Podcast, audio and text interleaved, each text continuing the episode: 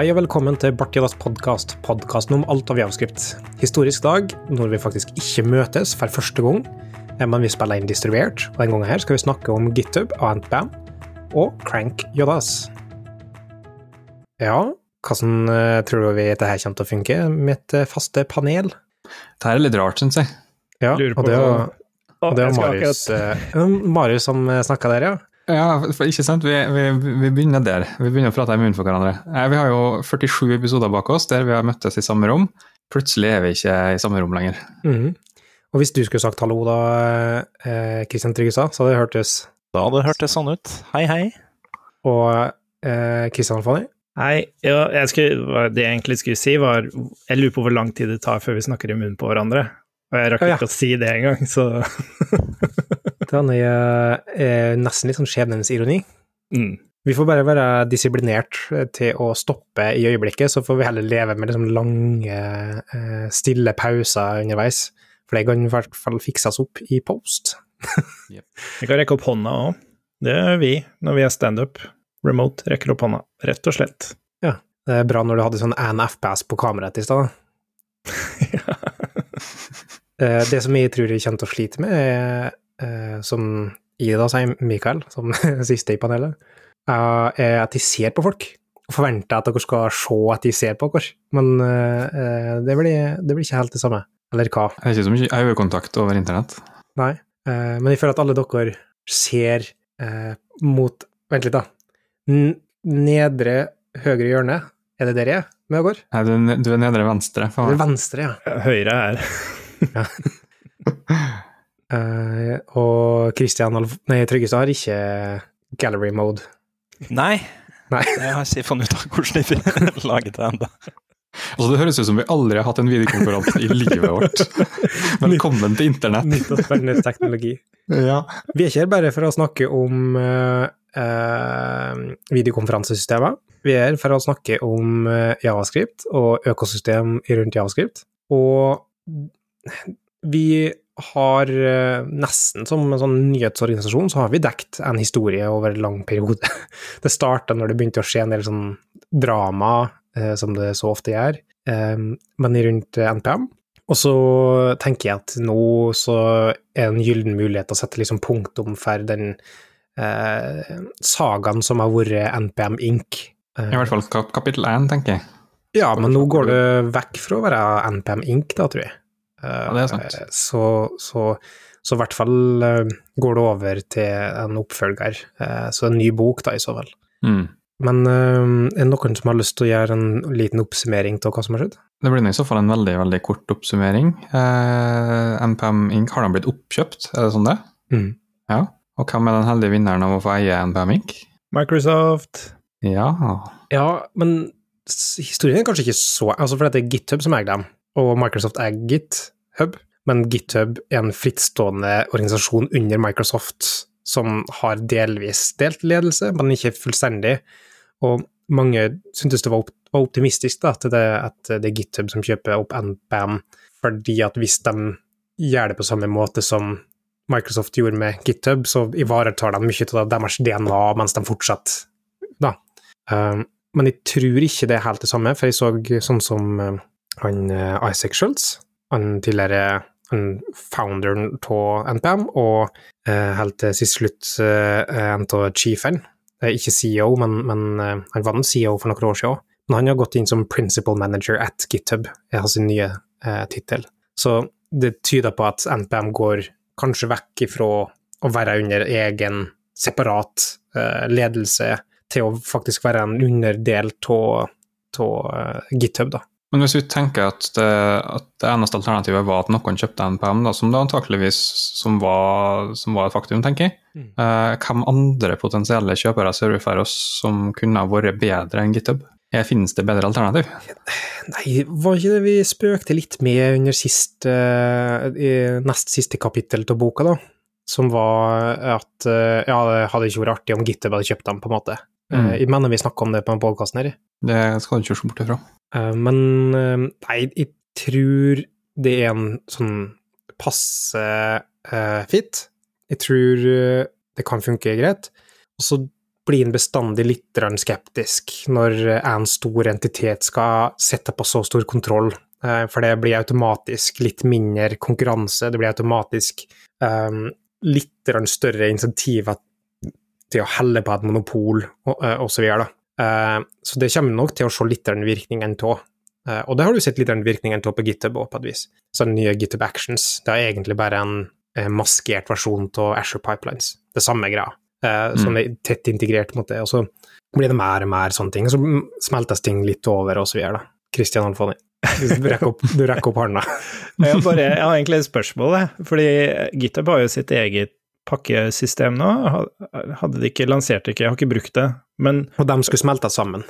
ja, de skal bli samme greie. Ja, Men skal MPM smelte inn i deres, eller skal dere smelte inn i MPM? Jeg tipper at registeret går sikkert over til å være hosta som en del av pakkehåndteringen deres, da. Til deres økosystem, på deres plattform, og så sikkert da Asher og så videre etter hvert. Mm. I stedet for å bruke hva vi gjør nå, CouchDB, og, og uh, det er kanskje lenge siden vi har gjort det, da. Kanskje har gått vekk fra det. Ja, For det er vel det som er litt det veldig positive er rundt infrastruktur og sånn, at de har noe De har en del penger å kaste på å få ting ordentlig på plass, da. Mm. Hva du tenker du, Tryggestad? Eh, Jeg ville bare skyte inn at uh, Asher har jo også i sin DevOps en egen sånn package eh, registry som egentlig konkurrerte ja. med GitHub sitt. da. Så nå er det på en måte tre sånne register som da egentlig smelter sammen til ett, kanskje? I hvert fall på baksida. Jeg, jeg vil si sånn um, Den, den uh, Artifacts på, på DevOps er egentlig mer en konkurrent til Artifactory, der du kjører din egen private klone av registeret, og så kan du laste opp egne private uh, private ting som du holder innenfor der òg, og så kan du gå og speile over, sånn at du har en lokal mirror av dem du bruker. Eh, jeg vet ikke om eh, jeg, vil ikke, jeg vet ikke om jeg ville sagt at det er en direkte konkurrent til NPM i seg sjøl tidligere, og kanskje ikke GitHub eh, packages heller, for det var ment som frittstående eh, mer som frittstående registries, da, tenker jeg. Men Ja, ok, Men- så GitHub sine også eh, egentlig nærmere NPM enn eh, Asher Artifacts, da. Med andre ord.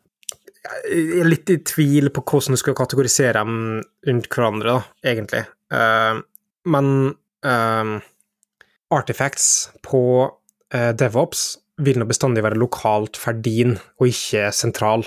Det vil nå ikke GitHub packages være på samme måte, vil det? Den er mer sentralisert og, og public tilgjengelig. Men hva med Jarn og sånn? Hva, hva skjer? Jarn er bare en CLI, vet du. Det Jo, men vil de fortsatt få tilgang til For det har jo vært som public, public, vil det bli noe kontroll på hvem som skal få lov til å bruke registeret og sånn? Ja, det blir nå Det er nå et betimelig spørsmål som ingen eh, oss kan svare på. Men det hindrer oss ikke fra å prøve. De, de antyda vel i den bloggposen sin på MPM-bloggen at det skulle være gratis og åpent. Så er det egentlig bare den business-delen de har hatt, som eh, kanskje blir eh, overlatt til eh, GitHub sine business-deler. ja, altså NPM Enterprise går inn i GitHub Enterprises praksis. Ja. praksis. Men hvor passer NPM-CLI-en inn i det her, da? Er den uh... NPM-celien er jo og Det blir jo hovedmaintainere, men den er vel den eneste delen av NPM som fortsatt er open source. Mm. Som fortsatt blir drevet open source òg. og jeg mistenker at den fortsatt blir gjort det. Og de hadde vel nettopp en sånn seminar, eller, eller et eller annet, kall det hva du vil, eh, med en sånn eh, open source eh, town hall meeting, på en måte, eh, rundt her, da. Så altså, er, det nå all grunn til å tro at hvis det er noen som er interessert i å eh, ha ting open source, så er det i praksis GitHub, Mm. som livnærer seg på det. Eh, og mye av det de gir ut, er, i utgangspunktet open source, i hvert fall med åpne API-er. Uh, mm. så jeg antar Jeg vil fint anta at Jarn eh, lever godt via etter en potensiell merging òg. Det blir spennende å se, da, om det blir noe Sånn som jeg husker når Microsoft tok over GitHub, så følte jeg altså alt endra seg i forhold til kommunikasjon ut av det poppa opp Mm. features den ene etter den andre, om, om vi ser noe lignende nå. Det blir jo spennende å se, da. Mm. Når er det de offisielt overtar, på en måte, sånn Altså, Nei, sånn- jeg, jeg tror det har skjedd i praksis nå, altså. Eh, som sagt, jeg så en Isaac Chulster har endra eh, tittel på GitHub-profilen sin til Principal Engineer i GitHub.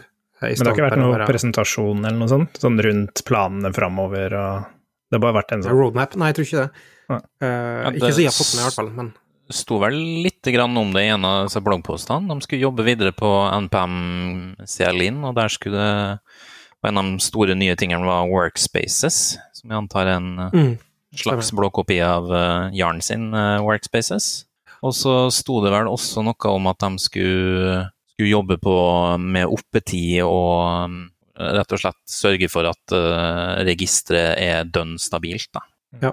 det sto vel i uh, Enten så var det den uh, lanserings-e-posten, nei, bloggposten eller hva, men uh, stemmer. Men ja, det som jeg er veldig spent på, er tror de kommer til å benytte seg av eh, den brandinga og merkevare NPM, eller tror de kommer til å sakte, men sikkert bare la det dø ut? Har det egentlig allerede dødd ut? All den goodwillen som de hadde, er den vekke i, i, gjennom hele den NPM layoffs og alle de endringene og alt det der? Eh, Var den vekke fra før av, og det her egentlig bare det går fint? Eh, eller er det et tap? Tror du ikke de færreste eh, har involvert seg i NPM layoffs og alt det som har med det å gjøre, da? Av den gjengse utvikler, liksom? Men den gjengse utvikler hadde heller ikke et sånn forhold til den brandinga på samme måte, da. Det er sant. Jeg, jeg, tror bare at NPM i praksis har hatt en del goodwill i, i liksom communityet, uh, men kanskje GitHub har det òg. Uh, selv om GitHub har òg vært litt i sånn har medfart i enkelte sånn Ice-situasjoner og, eh, og der, da. Altså de eh, lar Ice software, eh, open source, ligge ute, eller hva det var for noe, og det var mange som protesterte. Betyr det at vi skal lukke denne boka her nå, er det sånn å forstå? Ja, jeg tror det. Jeg så forresten at eh, sånn som uh, CTO-en, den nye CTO-en som tok over CJ, som vi husker vi hadde en del snakk om sist. Mm. uh, Noe er Closure for karakteren som er i boka, da. Mm. uh, som den CTO-en som tok over, som var ansatt nå i et år, eh, har òg slutta, da. Eh, som en del av den, den overgangen her, da. Er det nå det liksom er sånn stillbilde, og så kommer det en sånn tekst over hva, de, hva, Hva som skjedde etterpå. Ja, ja, ja. ja. Uh, ja, og hva skjedde med Carol Baskin? Nei, jeg orker ikke. um, nei, jeg, jeg tror det, det blir spennende å se. Eh, men eh, er dere positive? Ja, jeg er nok eh, positiv, tror jeg. kunne jo vært verre. Det kunne jo blitt ak forbli akkurat sånn som det var. Det var jo ikke bra Mm. sånn som det var, så noe er bedre enn ingenting, i hvert fall. Siste liksom, punktet er at um, det var visst ikke Det sto i posten, da, uh, så vidt jeg skjønte, at det var ikke en sånn solskinnshistorie med 10x uh, VC-funding, uh, altså return, return on investment-opplegg, da. Så de hadde visst ikke måttet punga ut eh, så voldsomt med, med dollars for å, å få det, uh, selv om de tar det ikke public. Mm. Um, så forsto jeg slik at det, det var ok, men det var liksom ikke Jeg tror ikke de WC um, eh, Så de investorene som vi snakka om mye i tidligere episoder Jeg refererer mye til tidligere episoder for å bare hoppe tilbake og høre, men um, der snakka vi om TX-funding, liksom. Um, jeg tror ikke de fikk så mye tilbake som de hadde håpa, egentlig, men det også. De bryr, bryr vel ikke vi oss så mye om. Nei, det er vi ikke. Det var en trist, liksom, trist avslutning. Å, stakkars WC. uh, nei, egentlig så var det en For min, for min del var det en lykkelig slutt. Ja, det ja, For de, de kom liksom inn, og så fikk de inn store eh, liksom folk, eh, HR-folk som kom inn og ga sparken til halvparten rett før de skulle få bonuspakka si alle sånne ting. De får ikke liksom Det er ikke dem som sitter igjen med den store gleden her, da, til slutt. Uh, en, fra en bok til en annen, eller i hvert fall en dramaturgisk oppbygging, eh, så er det eh, har vi lest en artikkel, og, og det er sånn ting som har eh, skjedd i, i eh, et av de store React, eh, eller Javascript-communityene, som er React, eh, og det er en ting som heter Crank JS, eh, som du tipsa om eh, først og fremst, Alfani. Og så var det noen noen på, på Bart Slacken, som du kan joine på slack.bartjadas.io, uh, snakka om om vi skulle ha en samtale om òg, og det skulle vi. Ja, jeg fikk en tweet, jeg. Det var han godeste Å, hva heter han da? Han franske som skrev alle testene til Prettier Vuju? Vuju? Ja. Sebastian? Nei, nei. det- Det er jeg tror ikke han heter Sebastian, men han heter eh, VJUX. Ja, uansett, fransk er han. Ja. Men uh, han tweeta om det, og det var den uh, Det var vel en litt sånn introduksjonsartikkel, uh, sånn bakgrunn for prosjektet og sånn, og det gikk mye på, på at React gjør veldig, veldig, veldig mye. Bygger sin egen scheduler, og de bygger opp sine egne konsepter, da, rundt en sånn UI-engine. Um, mens han stilte litt spørsmål rundt det her, og så så hvordan hvordan skulle man få til spesielt det her med asynkron rendring og sånn? Hvordan kunne man bruke på en måte primitivene i, i Javascript direkte, istedenfor å lage sånne heftige abstraksjoner, da, og se hvordan det kunne se ut. Og da fortsatt basere seg på at en komponent er en funksjon, du returnerer øh, Ja, eller returnerer kan vi jo komme litt inn på, men at du uttrykker UI med JS6-syntaks, da. Mm. Um, men uh, du har ikke noe hooks eller noen sånne ting i det hele tatt. Du bruker faktisk async-funksjoner og generators da, til å håndtere asynkronisitet i rendringa, som er veldig fascinerende. Mm. Skal, vi, skal vi dele opp det her i form av at vi snakker om eh, Skal vi snakke om kritikken til React først, og så bygger vi opp på det som er sagt som løsning? Eh, eller hva tenker dere er mest naturlig liksom, progresjon her? Syns det er et godt forslag, jeg. Ja. Mm. Uh, mm, jeg altså er, sånn, enig. enig. Ja, det var et godt forslag uh, fra meg sjøl. Klapp på skuldra. Nei, uh, for det, det, er ikke eneste plassen React har fått kritikk i den siste tida. hvis Det finnes en Twitter-bot som heter et eller annet Where's the drama in JavaScript now? et eller annet greier, som samla oss sammen liksom sånn Her er drama i, i JS-communityet nå for tida. Og den har uh, sikkert oppsummert uh, den situasjonen her, som var at uh, en som heter Alex, jeg husker ikke etternavnet hans, men han Russell eller noe sånt? Ja, han, han jobba for Google, og er tidvis en stor kritiker av React, da, som, som Um, mange andre for så vidt det, uh, men nå, den, den, uka her, så har han på en måte egga på seg en del folk med å være uh, Med å være litt sånn verbos, eller litt hyperbol, kanskje, i, i uttalelsen din. Uh, og mye av det går inn i det samme som, som vi snakker om her, og derfor jeg introduserer det, og derfor jeg vil adressere det i utgangspunktet òg. For det var en side som heter rc.live, eller rt.live, som er ratioen fra covid-19-spredninga i USA, eh, som da eh, Instagram-skaperen har, har utvikla. Og tydeligvis så var det to megabyte eh, å laste. Eh, ingenting var g-zippa, ingenting var minifisert, eh, osv. Og så hadde da Alex ekstrapolert den situasjonen her og sagt hva i eh, barneord, barneord, barneord er det som er galt med React-communityet eh, som tillater det her. Og så mente han at eh, systematisk så har han sett alle sånne unperformance sider eh, bestandig brukte React. Eh, så Ipso, ergo sum osv. Eh, videre. React enabler dårlig performance, eh, og det er kritisk mot samfunnet når det handler om sånn public health som det her, og så videre, da. Sånn ut ifra det så er det jo en diskusjon om at ja, ok, budskapet er så dårlig, men Eh, nei, eh, budskapet er kanskje eh, bra, men måten han sa det på er dårlig, osv., osv. Litt av det opplegget ser du i den her, da, som spiller litt på hverandre. Og eh, jeg tror òg, hvis vi knytter opp det her mot eh, min spådom fra eh, i fjor og begynnelsen av året, at nå har React som popularitetsmessig nådd et kritisk punkt der det har blitt så populært, det at nå er det på tide å rive det ned fra folk. Eh, og, og, der kommer vi nå, for at vi plutselig ser um, mange, mange, mange mange av det, som gjør at eh, det vil være mange, mange, mange dårlige løsninger i det. Uh, og da er det lett å se problem med det, og det er det her, da. Det snakker liksom sånn Nei, den, den løser det, det, er utrolig kompliserte løsninger. Den fokuserer på å lage sin egen runtime, i stedet for å bruke runtimen javascript, som du sier, Alfoni. Eh, den eh, begynner å patche på mange forskjellige funksjoner eh, i språket for å støtte opp under sin egen eksistens, for å male, altså få seg ut fra et, et hjørne som en maler seg inn i, rundt med sånn use hooks og alle, ja, alle, hooks og generelt. Mm. Sant? Alt skal liksom være pure og Ja, for at det skal absolutt være pure. Også. Mm. Um, det med suspens, at den begynner å kaste promises tilbake, som er en, en absurd ting å gjøre. Mm. Um, og så um, det er mange sånne småting som gjør at, uh, at uh, det får en del kritikk, som i enkelte tilfeller er berettiga. Uh, og så fordelen av det da, er sånn som det her kanskje, er at folk ser på det, og så blir de inspirert til å prøve nye ting.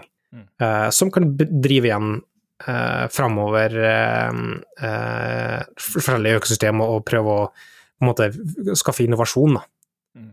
Så, sånn sett så er jeg ganske positiv til det, og mange av de punktene rundt at, at, React er så himla avansert under panseret, det er jo berettiget. Det er en sinnssykt kompleks måte å løse ting på.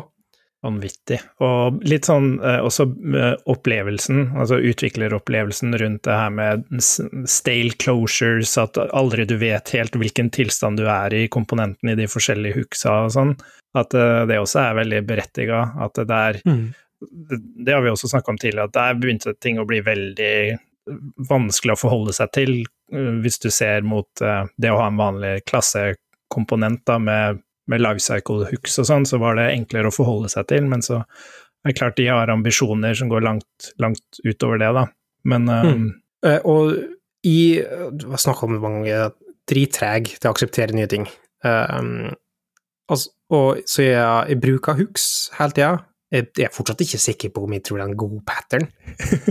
uh, men Og som du sier, det er mange sånne uh, tankegods som du må arve med bruken av det som ikke bestandig føles helt naturlig. Mm. Eller det er mange sånn uh, footguns i det, uh, som du ikke nødvendigvis hadde tidligere. Så yes. mm. du skjønner at du får kritikk, på et vis. Ja, ja. ja nei, sant det. Og, men kanskje noe av det som jeg syns var mest spennende med det her, er uh, det at det baserer seg på generators. Mm. Jeg har hørt om generators og liksom lest litt om det og sånn, men jeg har aldri hatt noen sånn veldig praktisk use case, da. Det er jo helt sprøtt at det går an å måtte bygge et komponentbibliotek basert på generators. Det var for meg mind-blowing, da. Mm. Vi kan snakke litt mer om det etterpå. Vi bare lyst til å sette punktum på liksom, den React-biten, og så kan vi bevege oss over dit. Men um, for det, det, jeg har lyst til å si, at mye av kritikken som React får, da, og som er her, er på grunn av at vi ser på det fra vårt Eh, liksom lave nivå. Altså, eh, vi ser på det ut ifra konteksten den problemstillingene som vi løser, og da er det plutselig en massiv, stor eh, mastodont av et løsning som eh, blir brukt til å løse små, trivielle problem. Og så vet vi liksom sånn at trivielle problem kan ofte ha trivielle løsninger, eller naive løsninger, i hvert fall. Til mer spesifikk en problemstilling er, til mer naiv kan det være løsningsforslaget eh, ditt, sant? Mens React er en sånn ting som har eksistert siden 2013, som fungerer på helt hinsides ubeskrivelig store kodebaser, som ingen av oss i det hele tatt noen kommer til å berøre, sannsynligvis. Uh, så det skal skalere sånn massivt, massivt opp. Uh, mens mange av de løsningene som er mindre, som ikke har den bloaten som den har, de er ment på mye mer mindre skala. Og det er på en måte fair. Så da man stiller seg spørsmålet ja, men betyr det at vi ikke skal bruke React i vår løsning?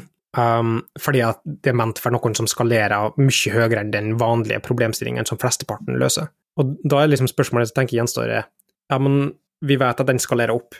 Uh, da må vi se på i hva stor grad den skalerer nedover. Så hva, er det, hva slags dimensjon er det skaleringa går i, i React uh, som, som, løsning, og alle, alle slags rammeverk sine løsninger. Den skal, kan skalere både nedover, og så kan den skalere oppover. Uh, og hva er det som skalerer ting nedover, egentlig, da? Uh, det er en performance, det er at det fungerer bra for uh, trivielle løsninger i tillegg. Det kan være algoritmer som er kjempegode på store datasett, som er elendige på, på små løsninger. Uh, Quicksort er en, en, et eksempel på det.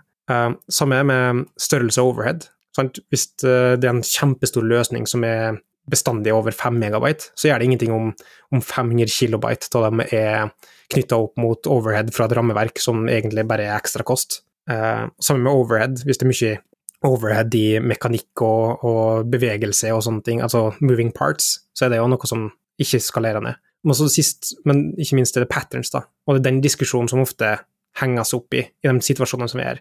Er de gitte patternser som vi bruker, er de skalerbare ned i, i enkle, små use caser? Uh, og der tror jeg en del friksjon er, da, f.eks. sånn som suspens som kommer, som skal være cashbart og fibers som blir håndtert nedover. Altså de har i praksis, som hvis du går tilbake og hører episoden om algebraiske dataeffekter som vi snakker om, så har de reprodusert algebraiske dataeffekter i eh, et språk som ikke har det, for å få til scheduling og cashing og alt sånne ting, for at det skal kunne skalere massivt opp. Men gir det like mye mening når du skalerer ned? Og så da må man begynne å tenke på trade-offs, på en måte sånn, uh, i versus ting som Eh, gjenkjennbar kompetanse, eh, eh, muligheten til å få tak i kompetanse eller felles språk, felles termer osv. osv. Sånn at sjøl om konklusjonen, konklusjonen jeg prøver å komme fram til, er at for å ta sånne teknologivalg, og for å si om en skal bruke andre ting enn React, som hvis en liker mange av de egenskapene de gir, er å eh, se om det skalerer ned til den behovet som du har.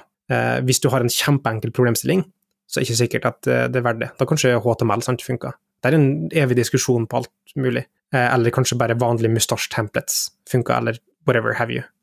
Eh, Pug er det heter nå til dags, det er templatespråket. Men Svelte. Uh, svelte, for eksempel, som funker bra for statisk innhold, sant. Uh, kanskje ikke så bra etter min erfaring, med store dynamiske applikasjoner som, som funker på en mer eh, klientside måte. Eh, I hvert fall ikke i hodet mitt. Men, nei, men altså eh, hvert fall, Men jeg har mest brukt Zapper, da, som er mer knytta opp mot pages på den måten, i stedet for den komponenten i, i, på et vis. Ja, for Er det sånn Gatsby-aktig for svelte, eller noe sånt? Ja, på et vis, eller mer som NextJS. Ja, eh, men det, ja, det drar oss jo egentlig kanskje tilbake til en tidligere episode der vi diskuterte nettopp det med det å velge frontend-rammeverk, og det vi konkluderte med da, tror jeg var at vi alle, eh, vi utviklere, har et ansvar for å sette oss inn i de forskjellige rammeverkenes styrker og velge deretter, og ikke bare ta ett fordi det er det man kan, på en måte. Mm. Men, du er jo litt misjonær, for det er du selvutnevnt misjonær, Mikael. Det er veldig bra. Det er viktig, viktig budskap er ikke alle misjonærer egentlig sjølnevnt, bare jeg vil Jo, det er kanskje det. Men nei, altså, poenget mitt jeg vil komme fram til nå, er at vi må se på ting òg med rett briller. Uh, og derfor jeg snakka om det med å skalere opp og ned, da. For at uh, det er enkelte ting som er avansert, og så, og så tror jeg for mange så vil noe som React eller View eller sånne ting òg være Det treffer ganske sånn fint Den kan skalere ganske i, i stor nivå, da. Sånn som Vue har fått litt kritikk f.eks. For, for at det ikke skalerer kjempelangt. At det ikke skalerer til den største Enterprise-applikasjonen. Men det er sikkert greit, for at du, ikke alle som lager de største Enterprise-applikasjonene. Uh, mens det, sånn som det her uh, vil jo også si at treffer en ganske, altså React treffer en ganske sånn god punkt på nedskalering. Det vil ikke gå helt til nederste nivå, men det er lite overhead i størrelse. Det er lite overhead i performance. Du mister ikke så mye performance i det Det er nok å miste, men ikke for mest praktiske årsaker, så gjør du ikke. Eh, og så har det patterns som på en måte er gjenkjennbare. Men så kan det hende de beveger seg for langt ut, da, som gjør at du får sånne eh, ting som det her. Um, men jeg, jeg, tror den konteksten Det har vært en sånn superlang rant, men jeg tror den konteksten er viktig å ha når en leser sånne, uh, sånne type uh, Apropos det med misjonering, sånne type sånne åpenbaringer som tydeligvis har eh, Som to standtavler kommet ned til den personen som har skrevet den, eh, den bloggposten her om Cranky Odas, eller som har laga Crankydas, som har fått en åpenbaring på en måned om at oh, han trenger ikke å løse alle disse problemene dem, han, han, bare lar noen andre løse. Han har, han har sett den ene eh, sanne veien, da. eh, og det var nesten, nesten litt sånn religiøst eh, nedover i, i den teksten om Cranky Odas, da. Jeg kjente det når han begynte å når han skrev at han, han fikk litt tårer i øynene når han lagde To Do MVC-appen uh, med bruk av Crank Odas. Ikke bare det, men det var ikke, det var ikke bare at han fikk tårer i øynene av det én gang, men han skrev det to ganger. Det var så viktig poeng at han skulle framheve det to ganger at han skrev sin egen kode og gren. og, men, kom, ikke en, eh, kom ikke en lignende bloggpost når uh, View ble gitt ut, da? View? Det gjorde det sikkert. Ja, Så, så, på en måte View også starta kanskje litt som Crank, og så har det som en idé. Mm. Så har det på en måte utvida seg til å bli noe som funker for Ja, og eh, oss andre også.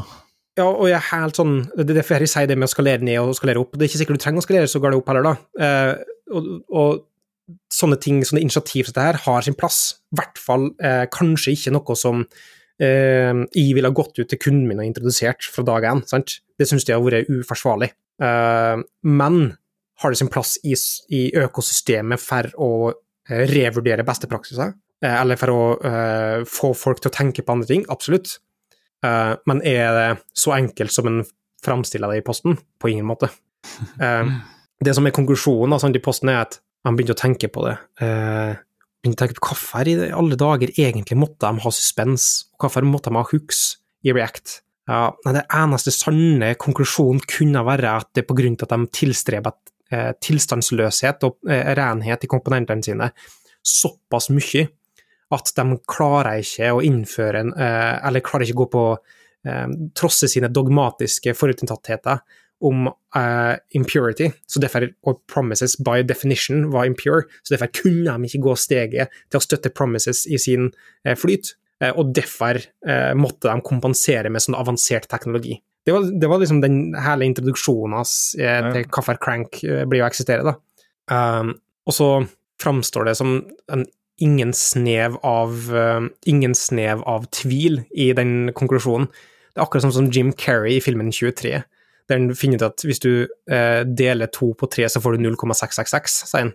Og det, derfor er 23 eh, djevelens tall. Men så viser det at egentlig så får du 0,667, for du må runde av den siste. Man bare dropper halvparten av sannheten for å tilpasse seg sin paranoiaaktivitet til å si at å nei, sånn er sannheten, og derfor kommer vi her med løsninger. Men det var ganske kult um, det ene Eller han viser første ideen i kode, i sudo-kode, der han hadde laga en generator, og så fikk Hvis man tenker lifecycle hooks i en komponent eh, i form av en klasse, så er det veldig lett å se for seg, for du har eh, Sånn som i React, så er det jo eh, tidligere, da. eh, component will mount, component did mount, component did update, component will unmount, eller noe sånt. Mm. Ja.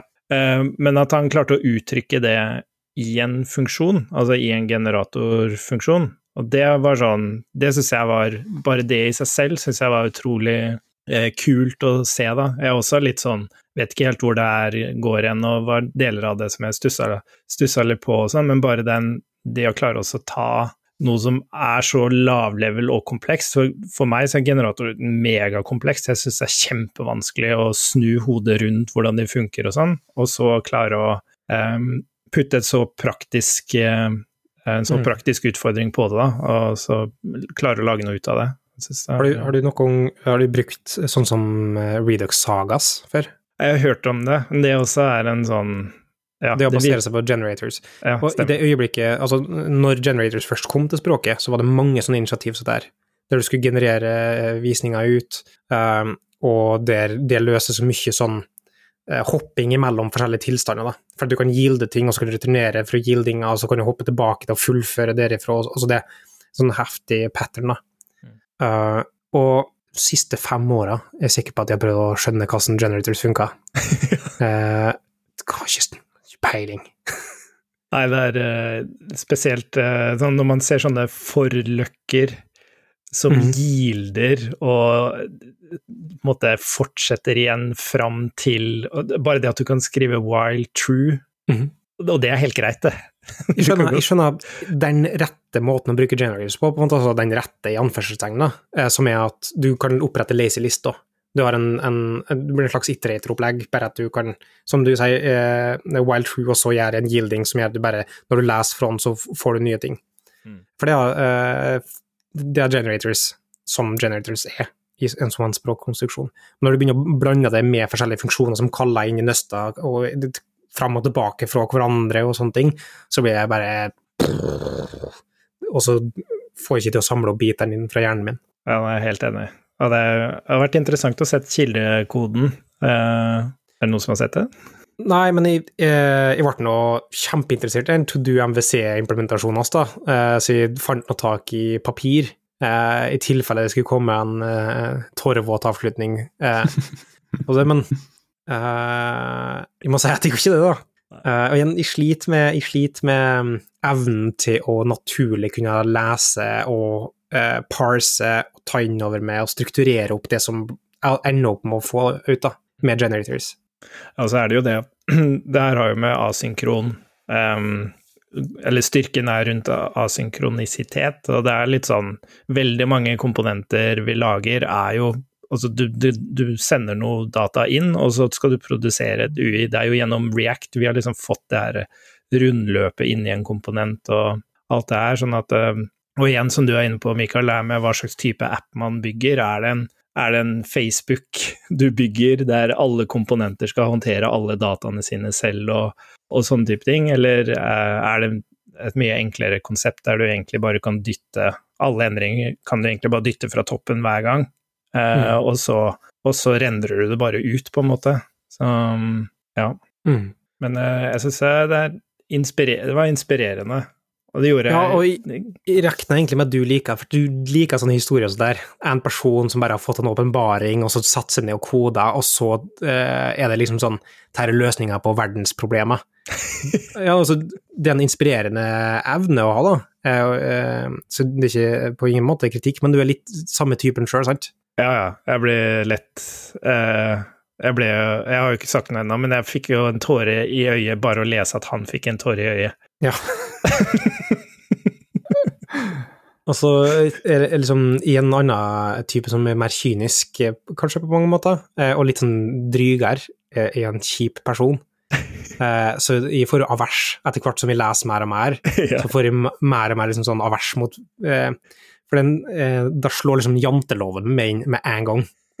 For at han Eller det er kanskje ikke janteloven heller. Jeg er så opptatt av at folk skal ha respekt og, og, være litt ydmyk, at når noen framstår som på en måte sånn alle andre eh, Eller sånn Å ja, du sier at det her er bygd på åtte års med liksom eh, mange folk som er involvert, og så sier han ja, så tenkte jeg på det ei uke, og så brukte jeg en måned på å implementere det, og nå har jeg det!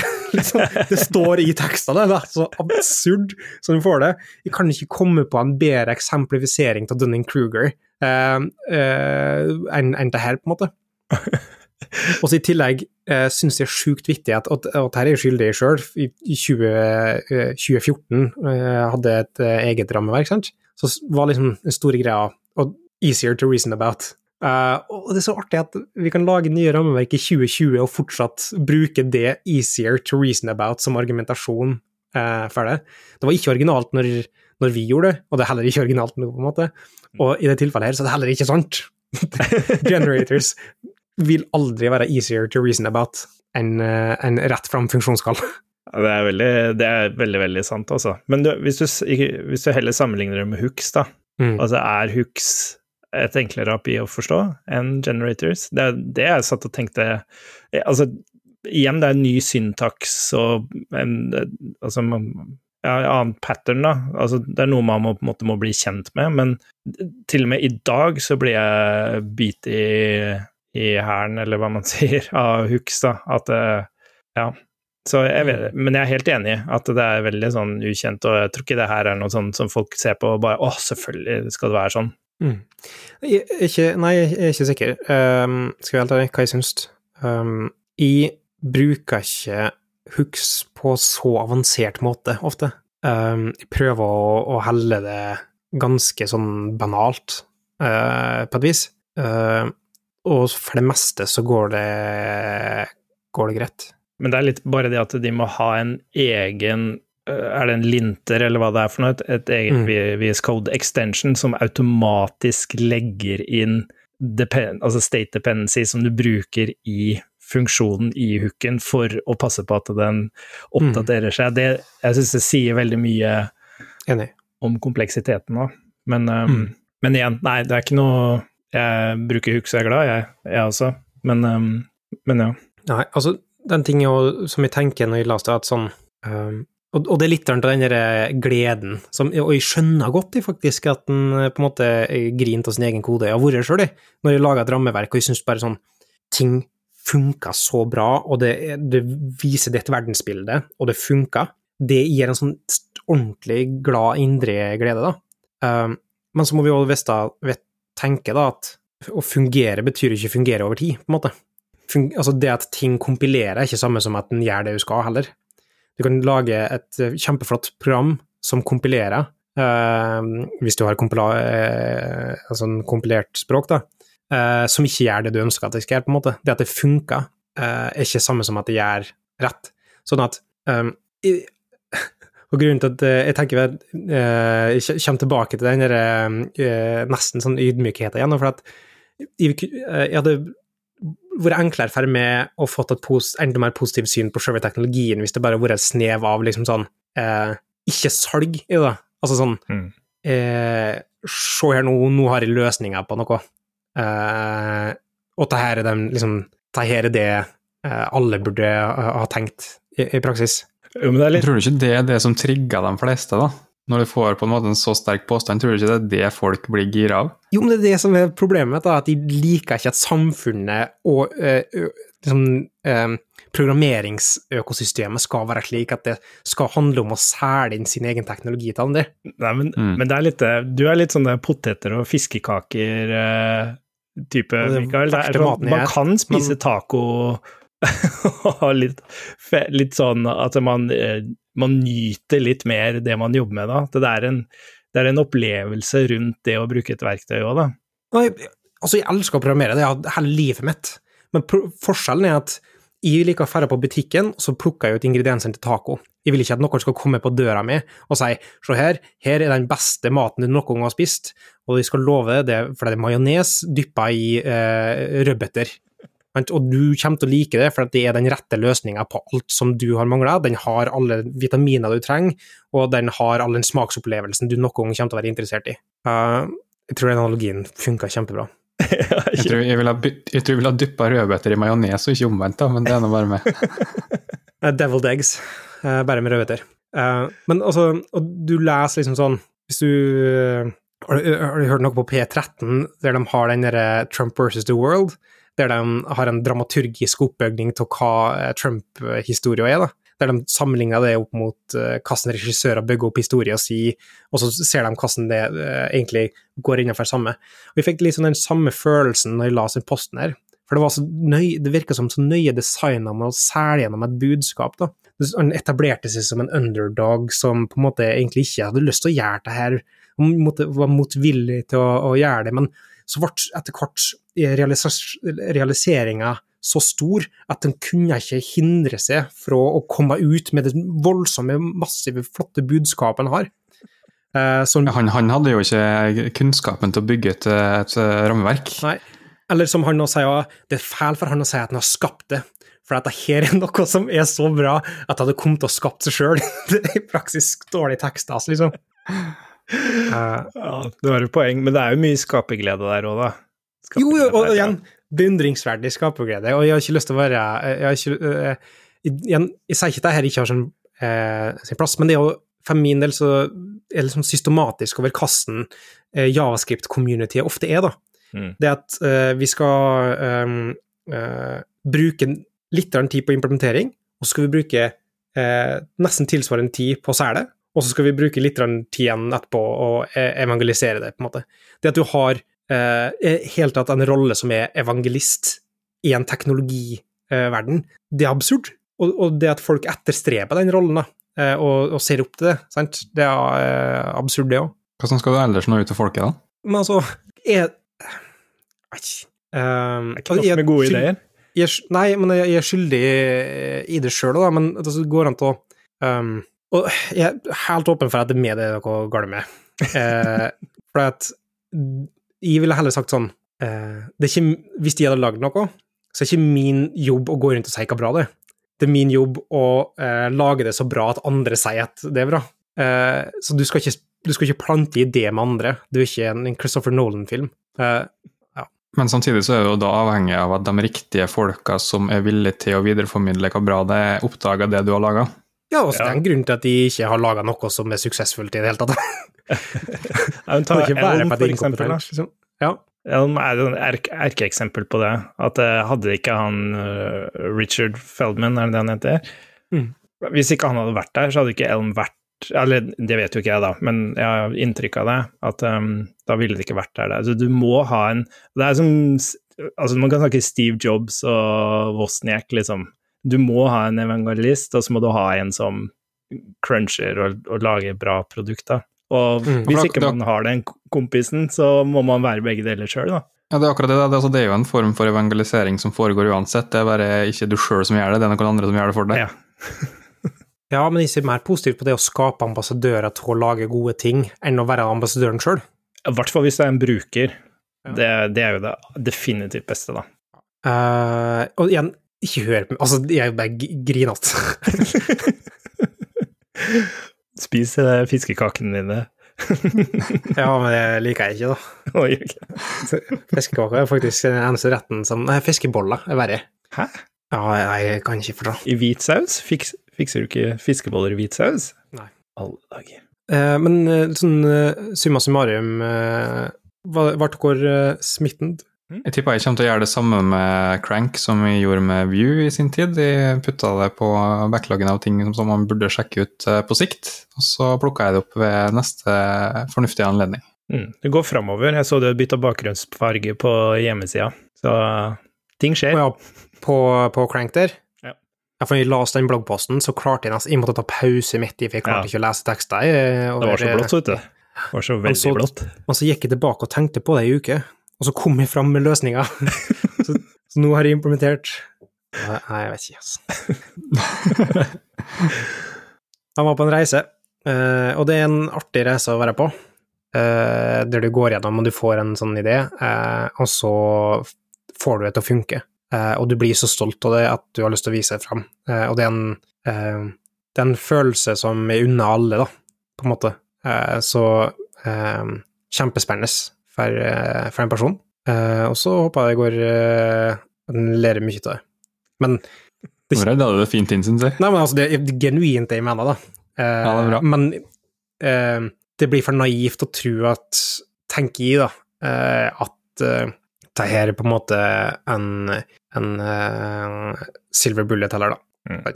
Ingenting er det. Nei, det finnes nok ikke. Eller det finnes noen silver bullets, da, men de gjør ikke det du ønsker de skal gjøre. det er kanskje er vel heller varulver som ikke finnes, på en måte. Jeg syns det er veldig kult at de har, at de har tatt i bruk generators, da. Tør på en måte å tenke Det er jo litt, om ikke radikalt nytt, da, så er det jo det er jo en helt ny tenkemåte. Det er sikkert ikke så mange som har et veldig stort forhold til generators og sånn, så det, det er jo en interessant tanke, i hvert fall. Mm. Eh, nei, altså, Så er det kanskje, ifølge... kanskje bra at uh, generators får litt mer uh, Ja, at det blir brukt litt mer, da. Uh, det er jo noen som har brukt masse tid på å få det inn i Javascript, og så ender vi opp med å knapt nok bruke det, for det er ingen som skjønner seg på det. Ifølge han sjøl så er generators relatively old, almost boring technology. Eh, så det er ikke en hype-greie, da, men det er en etablert og tung, eh, tungrodd, eh, gammel teknologi som er det motsatte, da, på en måte. Jeg tror den prøver å kjøpe etos med at det er gammelt. Det står det. By combining this relatively old Men det, det, er, jo, det er jo gammelt i andre språk, da. Python har jo hatt det ei god stund, f.eks., men det er jo nytt og ferskt for oss som holder oss mest på javascript-sida. Mm. Og det, det, som også er skikkelig kult der, er sånn når man tenker hvordan det funker, da, at du får inn noen props inn i komponenten din, og så kjører du bare en forløkke på de propsa du får inn, mm. og så gilder du bare ut en ny, en ny OD6 eh, eh, Ja, eller nytt UI, da, i den mm. forløkka. Så, det, så, når man på en måte beskriver det på den måten, så gir det veldig mening. Det er bare syntaksen som ikke liksom harmonerer ennå, og sånn er det jo med all ny syntaks. Men jeg syns det, det, er spenstig også, og litt sånn ting som han også viste rundt eh, hvordan man kunne håndtere eh, type suspens, logikk og sånn. Eh, veldig straight forward, da. Trengte ikke noe abstraksjon, du bare, du bare gjorde det, på en måte. Så mm. det også var ganske snedig. Men ja, det er ikke noe sånn Skal ikke hoppe, hoppe på det med det første, men eh, det er bare artig å leke med nye måter å gjøre ting på, og hvem vet, kanskje det Kanskje det er en eller annen bruker som blir en evangelist og får det ut i verden, og kanskje det kan løse noen ting. Mm. Jeg er helt enig i at det, uh, det er artig, da, med nye, nye, måter å gjøre ting på. Uh, og så, som, som jeg sa, så er det en del um, som eksperimenterte med, med den måten her å gjøre det på, UI, opprinnelig, altså når generators først begynte å bli en ting. Men nå så er det på en måte um, mange andre ting som har skjedd i mellomtida, så det er en ny take på det, så, uh, som er basert på nye ting gjennom nytt input, så det er på en måte en, et skritt opp igjen da, uh, å teste ut. Um, jeg jeg laga faktisk en gang et uh, UI-bibliotek, det er mange år siden, det var på Backbone-tider, der man alle komponenter returnerte et promise, faktisk. Så den rendra basert på resolving av promise. Mm. Så mm, bare så det er nevnt. Marius, du sa at du så på, på koden, gjorde du ikke? Jeg bare så litt på kassen. Jeg så vel egentlig gjennom halvparten av dokumentasjonen, bare for å se litt hvordan det fungerte, og se om det var forståelig. Og det vil jeg argumentere for at det var. Mm. Det var ikke sånn Ja, det så ikke vanskelig ut. Nei, det var mye liksom Men er det noe som eh, husker filmen Crank? Bare sånn helt uh, urelatert. Ja, husker det. Ja, Jason Statham. Ja, Statham. Ja. ja, ja. Jeg så to uh, Jason Statham-filmer i går. Oi. Ja, Så det var bra, ja. uh, nei, jeg tror vi har kommet til en naturlig slutt der, da. Uh, med mindre noen har andre ting de vil uh, si. Favoritt Jason Statham-film? Oh, den har spilt med The Rock. Det må bli Transporter. Ja, en, to eller tre? Eneren. Oh, jeg er litt fan av toeren, jeg, altså. Den er med The Rock, som Du ler, Christian? Nei, Hobbs, Hobbs, Tenk på Hobbs eller Fast? Faster? Nei, eh, jeg tenkte egentlig på siste Fast and Furious, der han løper rundt med den babyen på flyet. Uh, ikke Hobbs and Shaw, da? Ja, det er Hobbs and Shaw, men det er ikke der han løper rundt på flyet med babyen, er det det? Jeg tror det er Fast and Furious, jeg. Ja, kanskje sju, da. Eller åtte. Ja. Jeg har ikke sett noen av dem. Absolutt siste. Ja. Uh, det er bra, det. Jeg tror vi må rebrande podkasten til en sånn kombinert javascript og filmpodkast. Ja, bare Jason Statham-film. ja. altså, JS, det kan være Jason Statham. det er helt sant, det. Bart Joddas er bare en ren Jason Statham-podkast. det er greit å ha en fallback, da. Hvis ikke det er ja. javascript-greiene skulle bli noe av. ja, Jason Statham har ikke tenkt å gi seg med det første. Det. men, det, men det har vi, eh, og den tida kommer nå. Kristian Alfani, hvis noen har spørsmål, oppfølgingsspørsmål rundt eh, særlig det med hva slags eh, Fast and Furious-film eh, du liker best, og hvordan du rater Tokyo Drift opp mot den originale Paul Walker, hvor kan de kontakte deg? Uh, enten på Twitter, Kristian uh, Alfoni med CH, eller uh, på Slacken, Bart Slacken, uh, slack.bartjds.io. Ja, ypperlig. Og Kristian eh, Tryggestad, hvis de har lyst på tips om gaming-headset, hvor kan de ta kontakt? da kan de treffe meg på atlarifax på enten Twitter eller Slacken. Ja. Marius, hvis du har lyst på en utbroderende samtale om Crank Ann versus 2, og hva viktig det er med liksom, høyoktavs action i en ellers så ganske innesperra hverdag, da kan de gå da finner du meg som vanlig først og fremst på Twitter på attkrakels. Jeg har lyst til å angripe meg for å være grinebiter og drive ned andre sine drømmer, så kan det skje på at Mikael Brevik. Ellers er vi å, å nå på at underscore Bartjodas. Da gjenstår det bare å si takk for at du hørte på. Så høres vi i neste episode.